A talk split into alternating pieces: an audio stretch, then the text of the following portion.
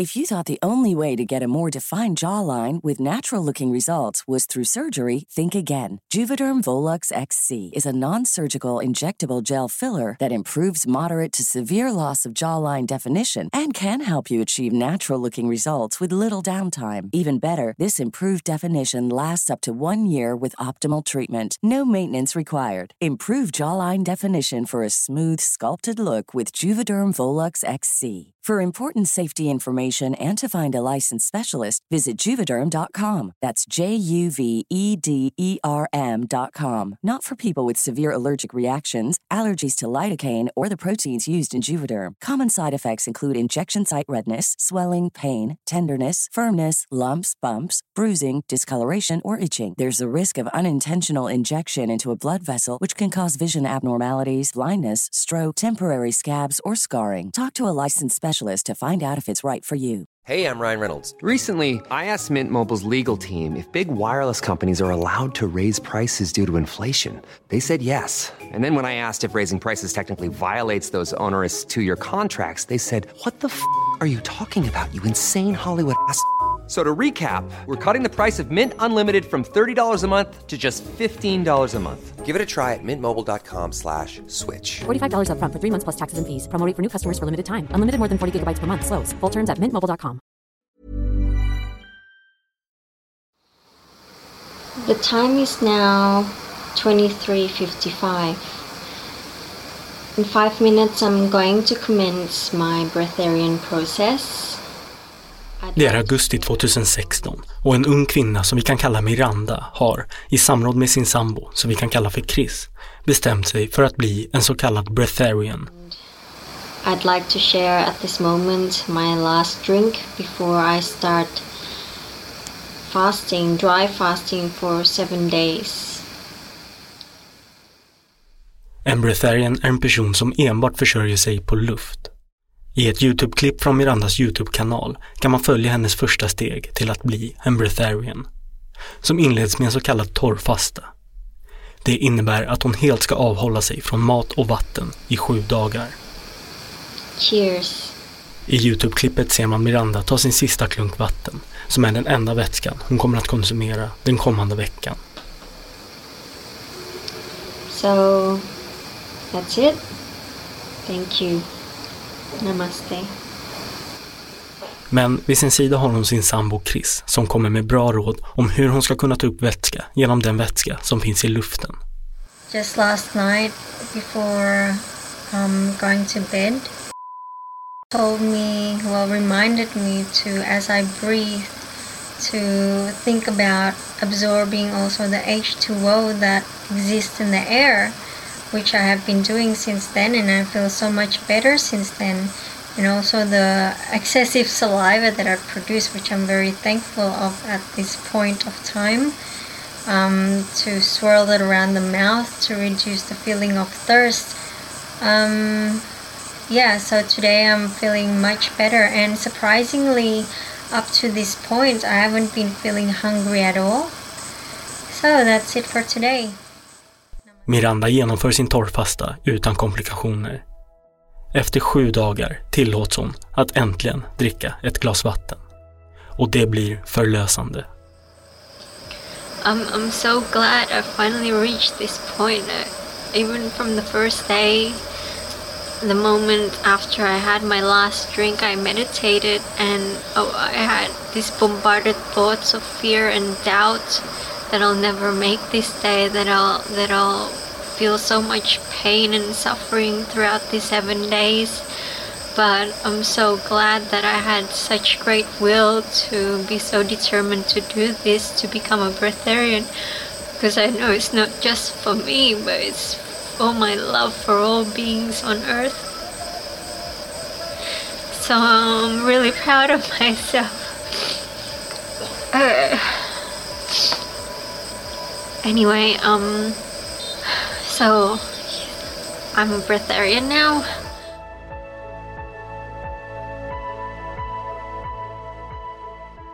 Efter den här sju dagar långa torrfastan fortsätter hon fasta i 22 dagar till, då hon enbart tillåts dricka vatten. En stor anledning till varför hon genomgår den här extrema dieten är för att Miranda har haft svårt att bli gravid. Läkare har sagt till henne att hon troligtvis aldrig kommer att kunna få egna barn. Det här reagerade Mirandas sambo Chris på och han har läst sig till att det visst går att bli gravid om man först genomgår en sån här klänsning. Och mycket riktigt så visar det sig fungera. Efter den här breatharian-dieten lyckas Miranda bli gravid och förblir gravid i hela 12 månader.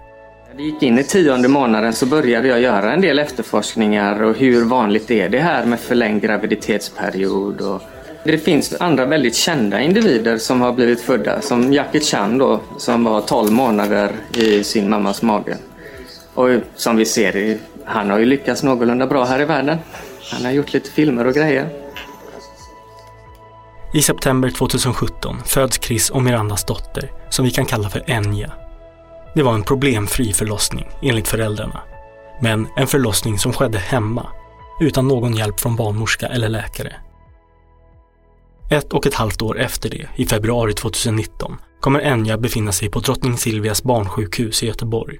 Bara timmar ifrån att dö. Du lyssnar på Rättegångspodden och på den första av tre delar om det svältfödda spädbarnet. Mitt namn är Nils Bergman. Det blev känslosamt för dig att komma in här nu, såg jag. Ja. Jag har lovat mig själv att jag inte skulle men ja, det så är det. Jag har inte sett den på länge. Nej, jag förstår. Vi hör mamman till den då 34-åriga Chris. Vi befinner oss i Göteborgs tingsrätt i april 2019 och mamman har inte fått träffa sin son på länge. Som tillsammans med sin dåvarande sambo Miranda suttit häktade för vållande till kroppsskada, grovt brott, gällande deras dotter Enya. Det är Chris försvarare Linn Augustsson som tillkallat Chris mamma som vittne för att höra om hon noterat någon vanvård av Enya från Chris och Mirandas sida. Och du vet ju vad det här målet handlar om. Mm. Jag vet vad det handlar om. Vet du, har du haft någon... Har du reagerat på utveckling på något sätt eller funderat över om att hon skulle vara... Det skulle vara någonting fel på henne? Eller så? Nej, aldrig. Nej. Det har jag inte gjort. De har ju, det har ju varit en, en annorlunda kostföring i familjen. Har du samma kostföring? Nej, jag älskar mat. Alltså, min gubbe är ju... Ja, han skulle egentligen varit kock, tycker jag. Ja, men ni, ni äter, ni äter kött? och- Vi äter som eh, lite gourmander är vi. Okej. Ja. Eh, Men då har, kan jag tänka mig att du kanske ändå har funderat över kost, kosten. Eh, ja, men jag måste säga så här att eh, så välgjord eh, veganmat har jag nog aldrig ätit. För vi var väldigt tveksamma när vi blev bjudna på middag.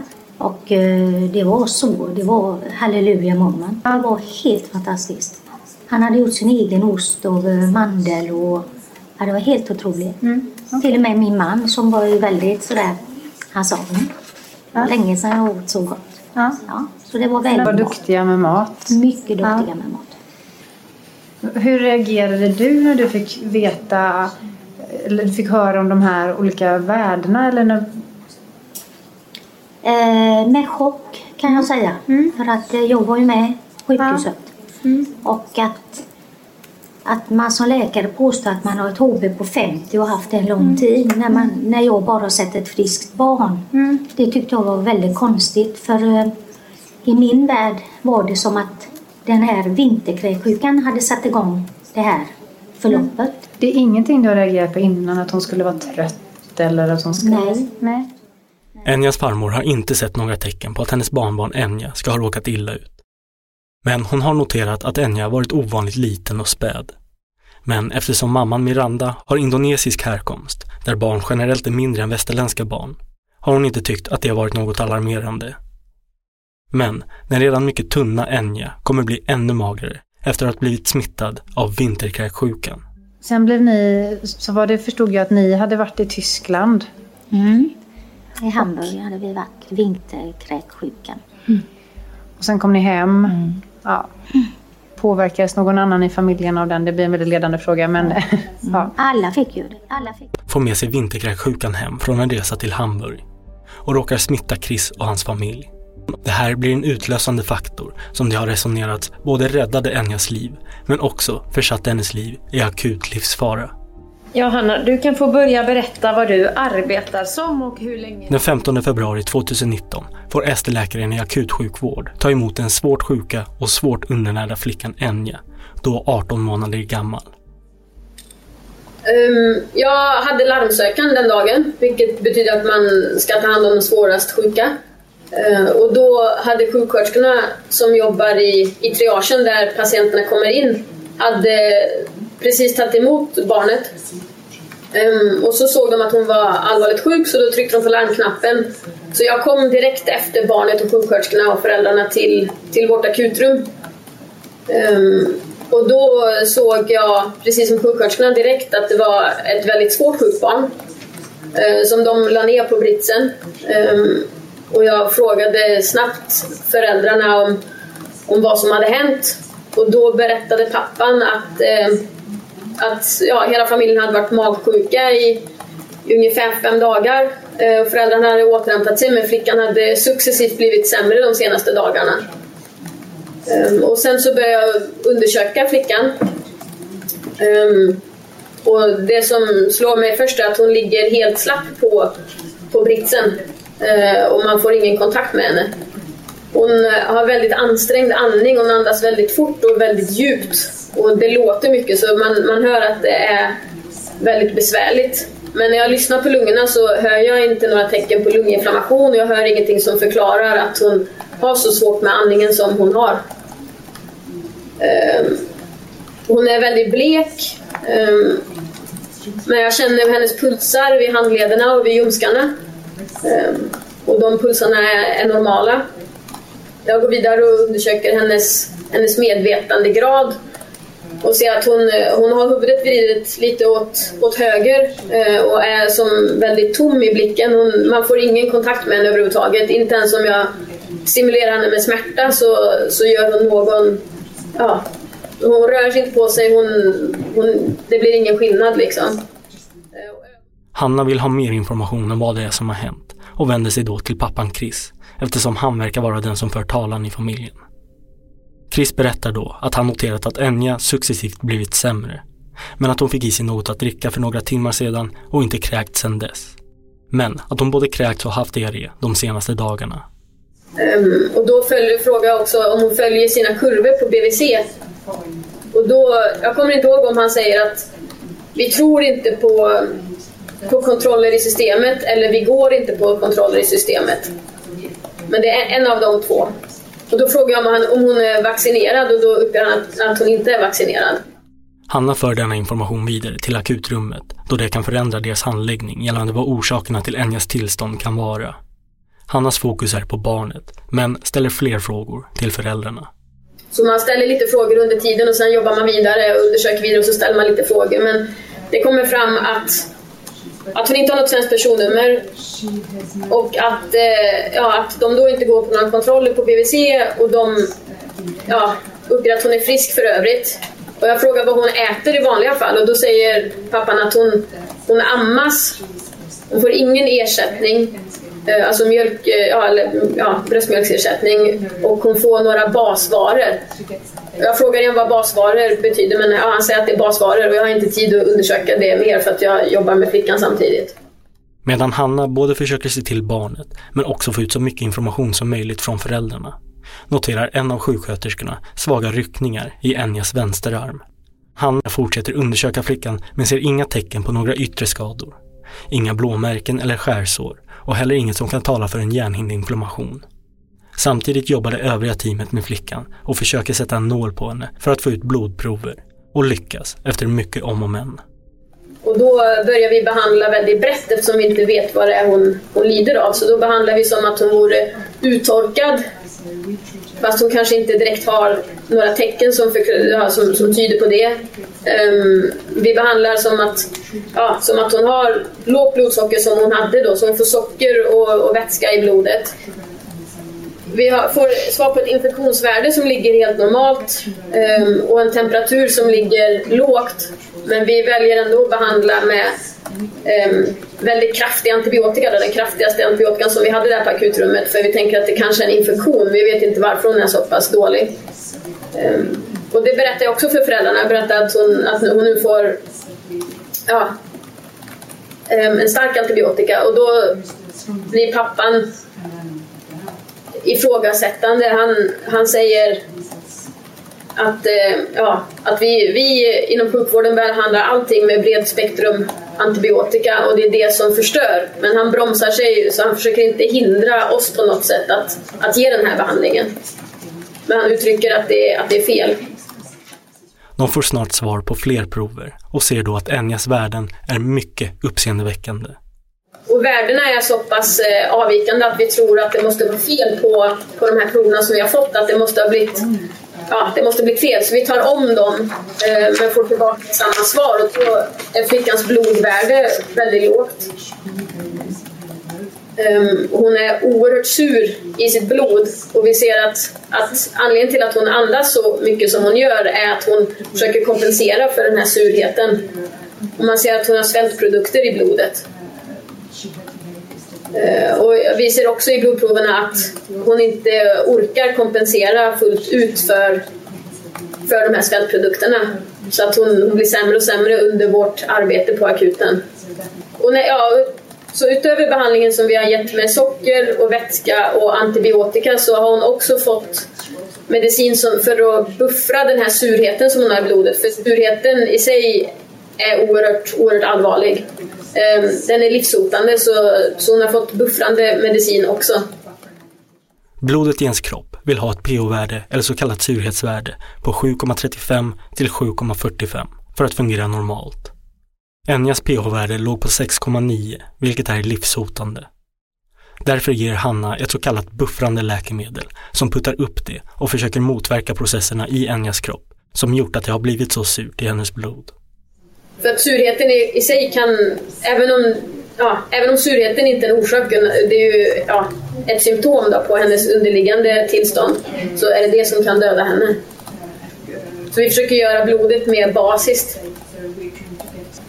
men det är väldigt svårt för att narkospersonalen, de som är bäst på att sätta, sätta de här nålarna som vi behöver för att få prover och, få, och kunna ge behandling, de, de försöker att sätta nålar på, på hela, hela henne. Det, det är jättesvårt för att hon är så illa däran att de, vi lyckas inte. Och hela tiden så hon blir stucken hur många gånger som helst men hon reagerar aldrig på, på smärtan. Hon är helt, ja, helt, eh, helt slapp. Vilket är väldigt, väldigt allvarligt för ett barn. Ja, som jag sa, de här undersökningsfynden. Ja, jag undersöker kontinuerligt och försöker utvärdera och se om vi missar någonting men det blir inte, det blir inte bättre. Hon blir bara mer och mer trött. Och så då, då tar vi beslutet att eh, vi inte kommer vidare där på akutrummet utan hon måste få komma till intensivvårdsavdelningen och genomgå röntgenundersökningar för att ge oss mer, eh, mer ledtrådar. Vi behöver ta mer blodprover för att veta vad hon, eh, vad hon lider av. Um, så då planerar vi för det och jag försöker hålla föräldrarna informerade så, så, långt, så långt det går under tiden. Jag informerar också om det här buffrande som, som vi gav och då frågade pappan om det var, om det var salter men jag försökte förklara att, att, att det inte var, inte var det primära.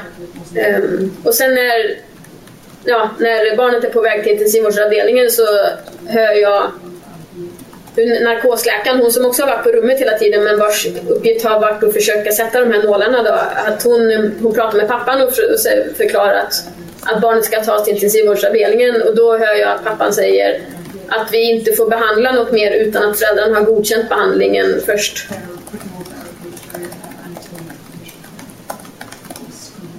Och när de gick till intensiven med flickan och jag inte behövde behandla henne mer då gjorde jag en orosanmälan till socialtjänsten.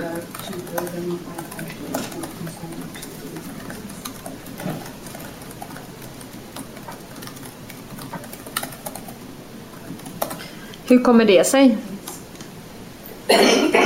Framförallt för att jag tyckte att den var... Ja, hon höll på att dö. Och pappan hävdade flera gånger att det hade blivit successivt sämre så jag tyckte att de borde kommit in långt tidigare. Och sen att hon inte hade gått på de här kontrollerna, att, att vi inte visste om hon var frisk, att det var... Ja, det gjorde att jag hade misstankar på att, att föräldrarna kanske behövde mer stöttning, att, att socialen behövde undersöka det. Vi uppfattade att hon var så svårt sjuk att hon skulle kunna dö om hon inte hade fått behandling inom några timmar. Hanna gör en orosanmälan till socialtjänsten samtidigt som Enja förs till intensivvårdsavdelningen där hon får träffa överläkaren med specialutbildning på barn, Per Brandström, som tar över vården av henne.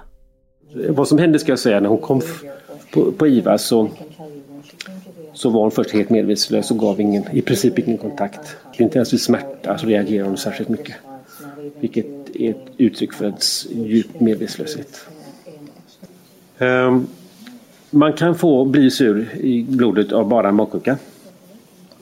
Ehm, men det, ehm, de barnen som blir sura i sin magsjuka, jag har aldrig sett ett så lågt värde på något barn. Eh, alltså, som uttalad surhet i blodet bara av, till följd av en magsjuka. Ehm, eh, jag kan säga så här att hade det bara tre, fyra dagars magsjuka eller fem. Det ska nästan till vad jag känner till kolera för att göra att barnet blir så svårt uttorkat och så svårt sjukt på några dagars infektion och det hade hon inte. Vi hade inte några tecken på någon sån sjukdom.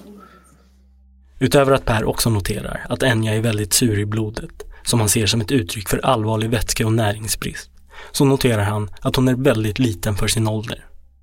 18 månader gammal väger hon endast 6,3 kilo, vilket är mer än fem standardavvikelser mindre än vad hon förväntas väga. Och bristen på tidigare information om Enya, eftersom hon inte registrerat och aldrig tidigare haft kontakt med läkare, gör Pers arbete mycket svårare. Hon var framförallt väldigt tunn i förhållande till sin ålder. Så det gjorde att vi misstänkte att hon hade en, en ordentlig näringsbrist i botten. Och då tog vi prover för att kunna påvisa, påvisa den näringsbristen. Eh, och då kunde man se flera tecken på att hon hade en extrem brist på viktiga näringsämnen.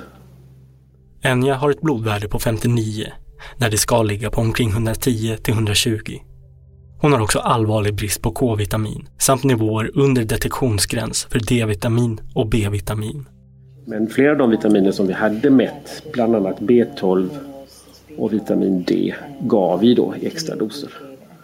Varvid de normaliserades i blodet, de värdena.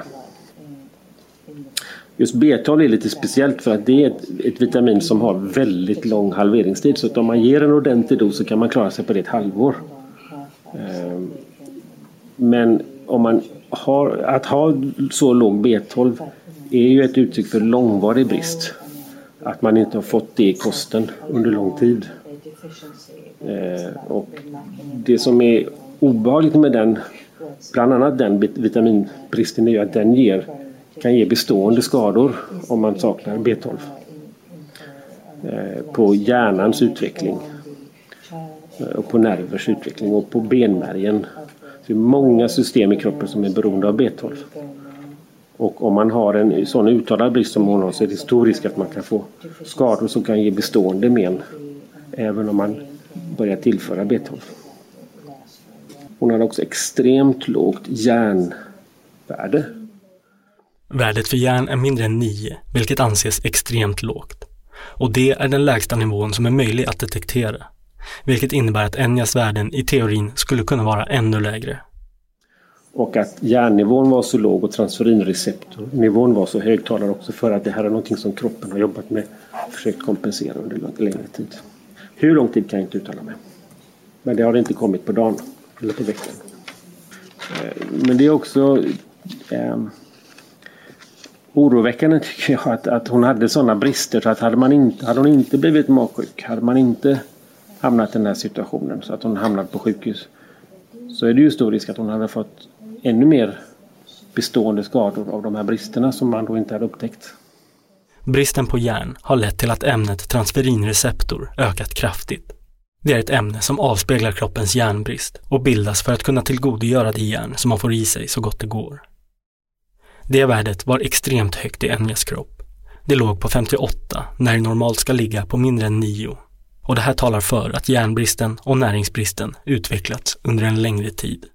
Det som hände på barn-IVA Eh, med att hon var så svårt sjuk, där vi misstänkte efter de undersökningar som gjordes att det här var framförallt näringsbristen som var hennes stora problem.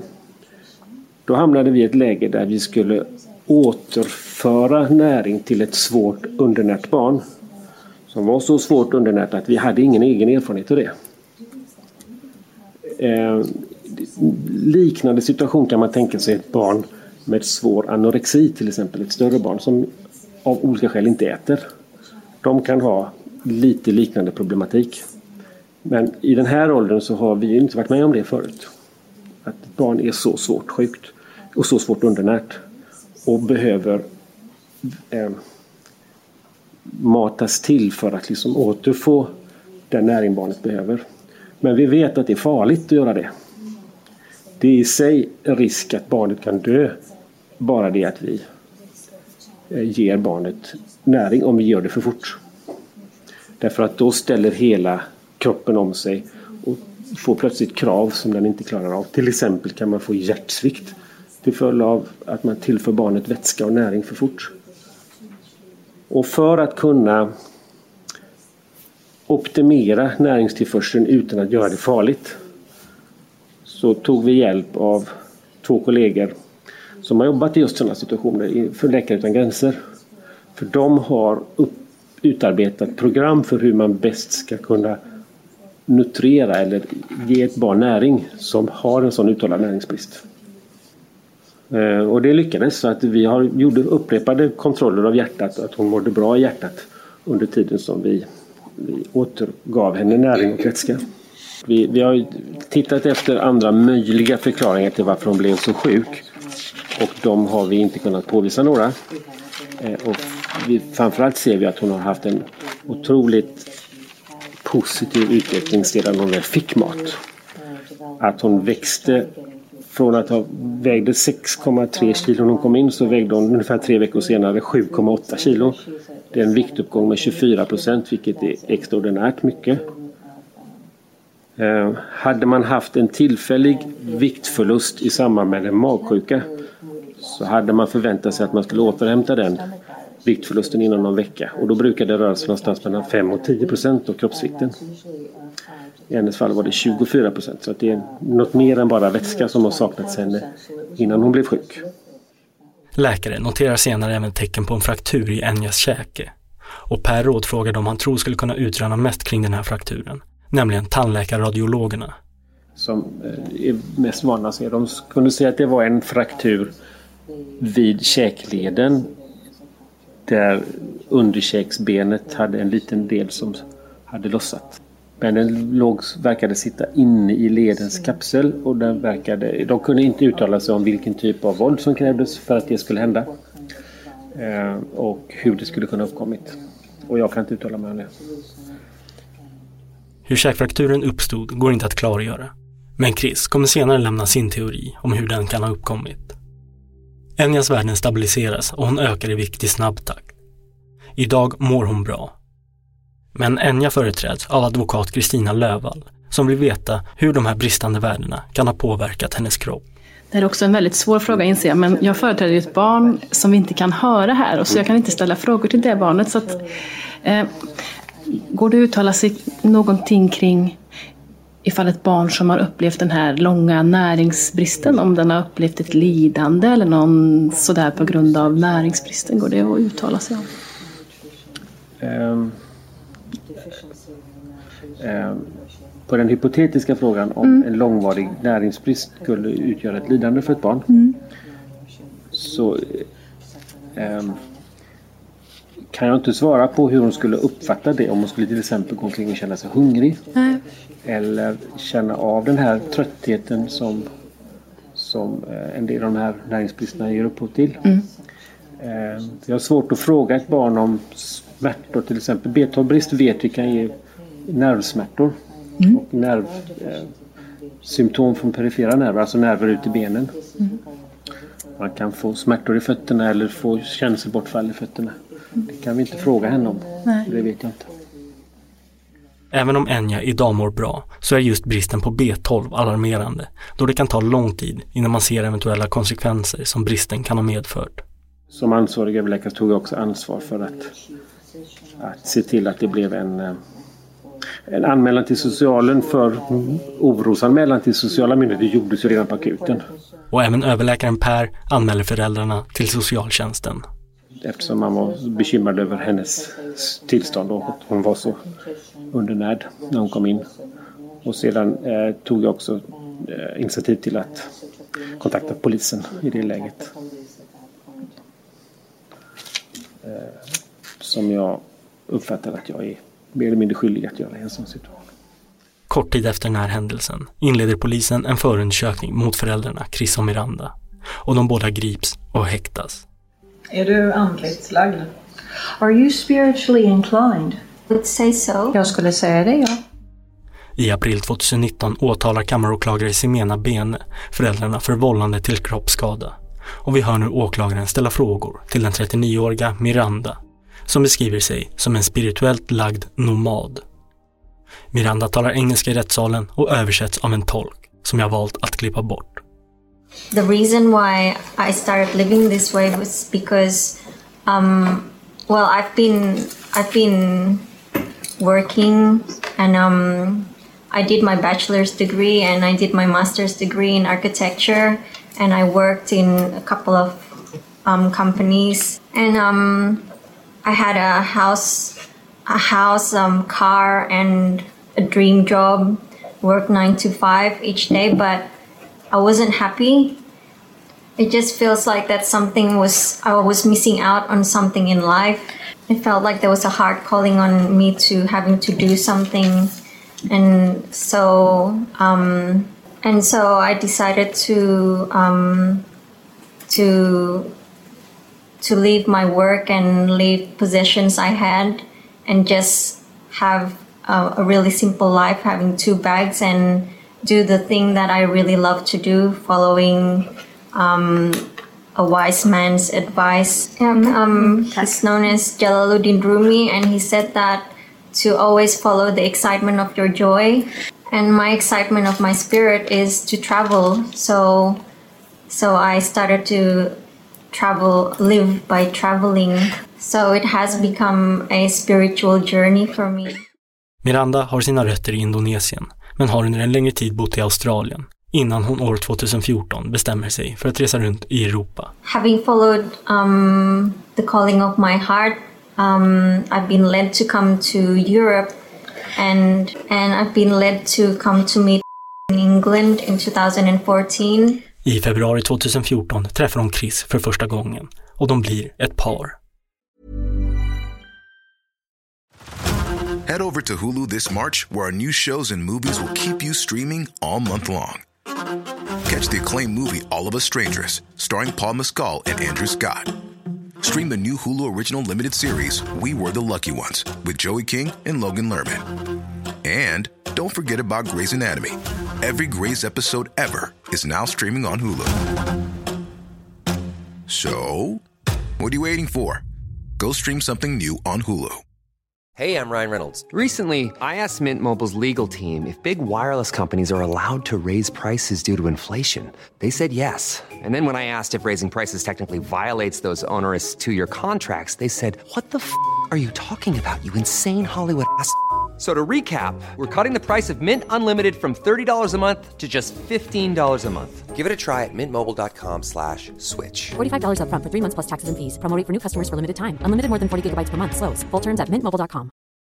If you're looking for plump lips that last, you need to know about Juvederm lip fillers. With Juvederm Volbella XC and Juvederm Ultra XC, your lip look, whether it's subtle or bold, can last up to one full year with optimal treatment and no additional maintenance. Find a licensed specialist and see if it's right for you at juvederm.com today. That's J U V E D E R M.com. Add fullness to lips in adults over 21 with Juvederm Volbella XC or Juvederm Ultra XC. Do not use if you have severe allergies or a history of severe allergic reactions, or if you're allergic to lidocaine or the proteins used in Juvederm. Tell your doctor if you have a history of scarring or taking medicines that decrease the body's immune response or that can prolong bleeding. Common side effects include injection site redness, swelling, pain, tenderness, firmness, lumps, bumps, bruising, discoloration, or itching. As with all fillers, there's a rare risk of unintentional injection into a blood vessel, which can cause vision abnormalities, blindness, stroke, temporary scabs, or scarring. For full important safety information, visit juvederm.com.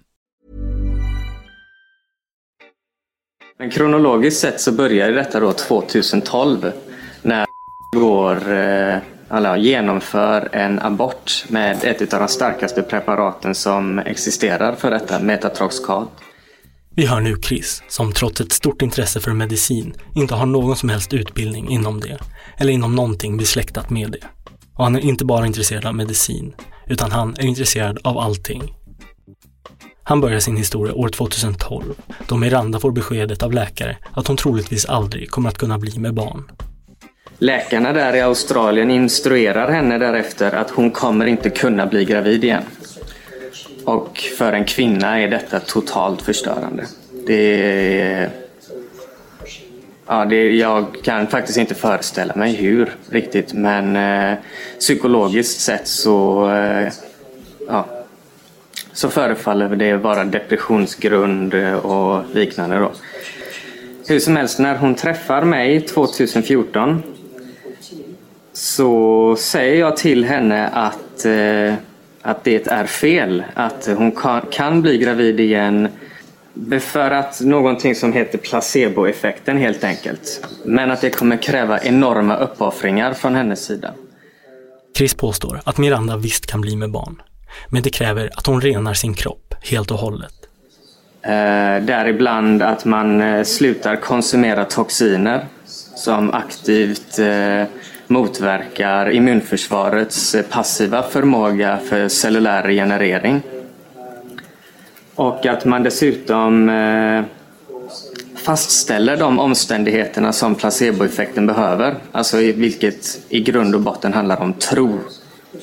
Man måste tro på att man kan bli helad oavsett om det är socker eller vad det nu är man får eller vad det är man gör. Det handlar om att eh, skapa en trosföreställning i sitt sinne och då agerar cellerna därefter. För att försätta kroppen i ett stadie där Miranda kan bli gravid så genomför de tre stycken sju långa vattenfastor där Miranda enbart får dricka vatten.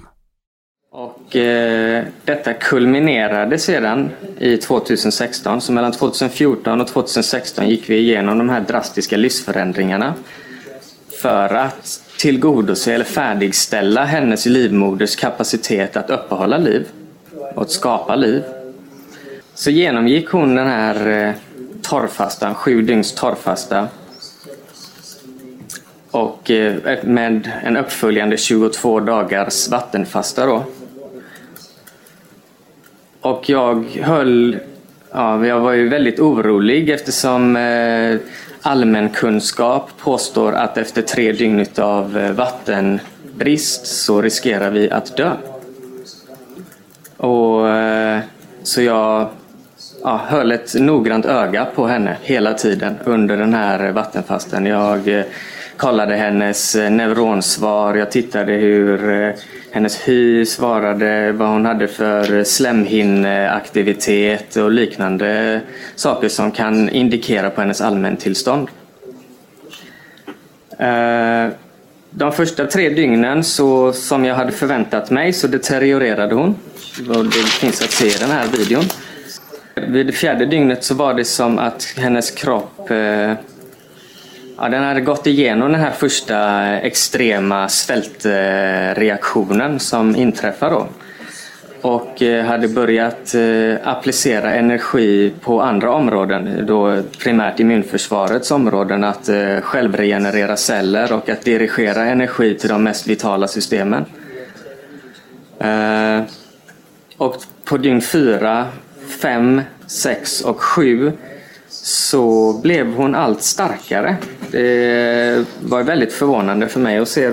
Men också, eh, ja, från ett, eh, från ett informationellt vis. Jag är ju väldigt info, in, intresserad utav allmänlära då, och har varit i hela mitt liv. Så ställde det ju många saker och ting på, eh, på högkant. Eh, kan jag lita på västerländsk kunskap som påstår de här sakerna om eh, tre minuter utan luft? I dagsläget vet vi att människan klarar sig 20 minuter utan luft.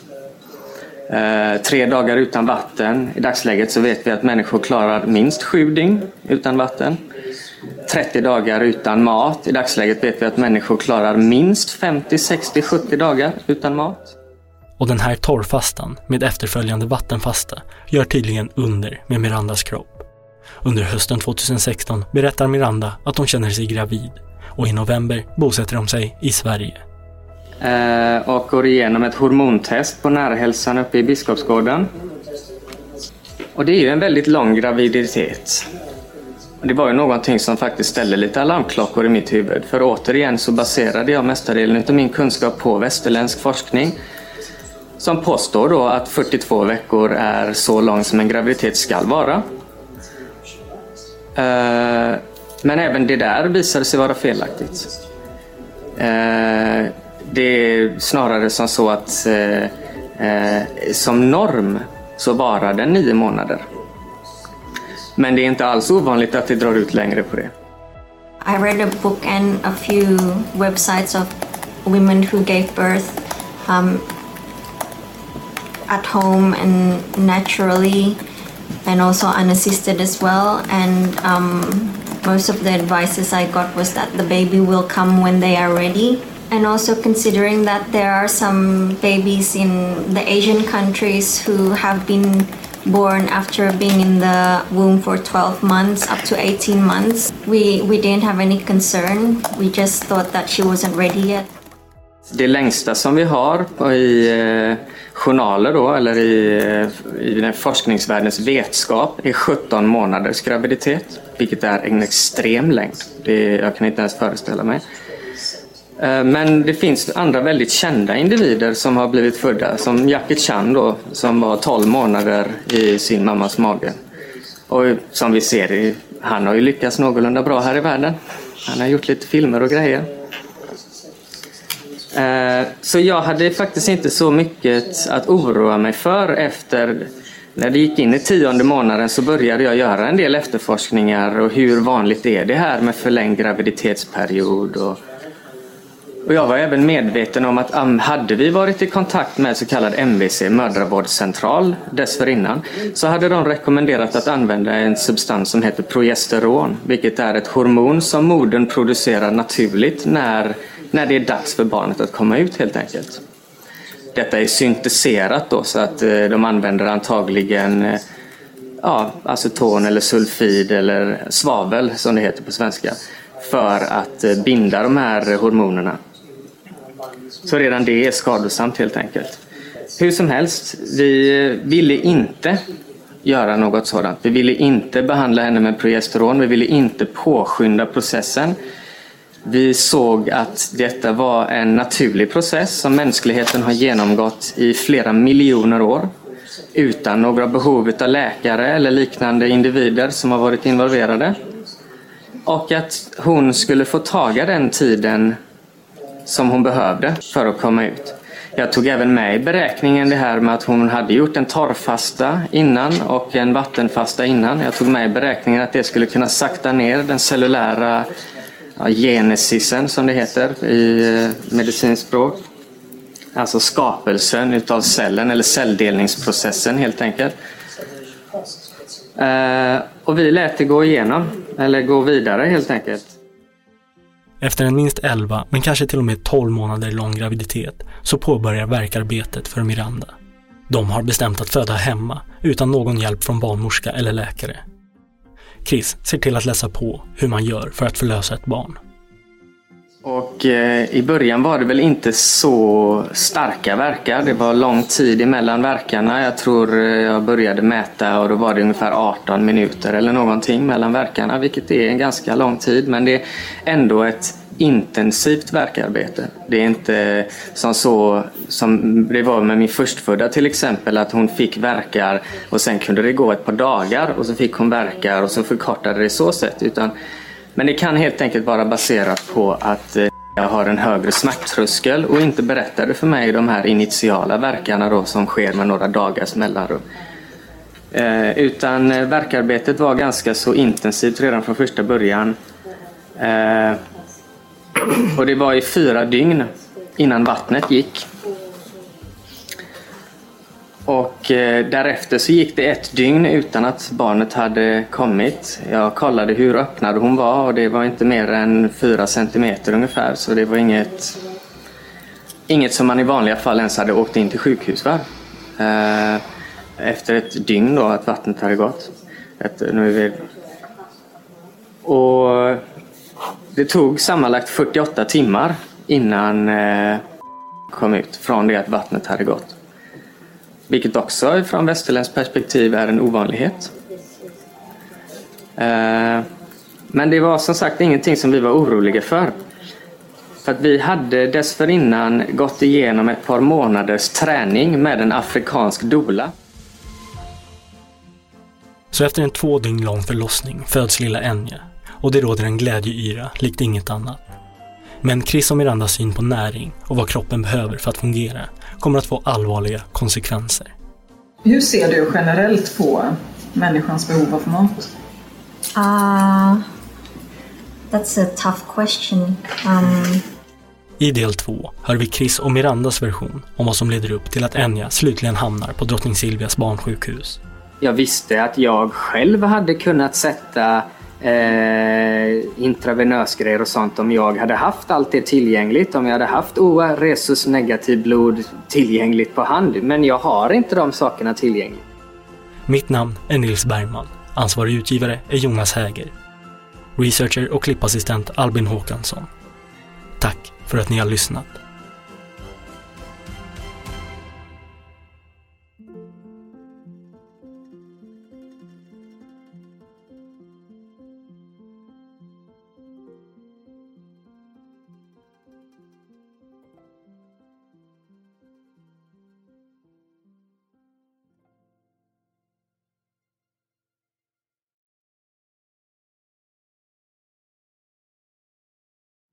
Rättegångspodden är en Tall Tale produktion. Ansvarig utgivare är Jonas Häger. Och Rättegångspodden görs i samarbete med Lexbase. Ange rabattkoden Rättegångspodden när du blir ny betalande medlem på lexbase.se och få tre kostnadsfria domar.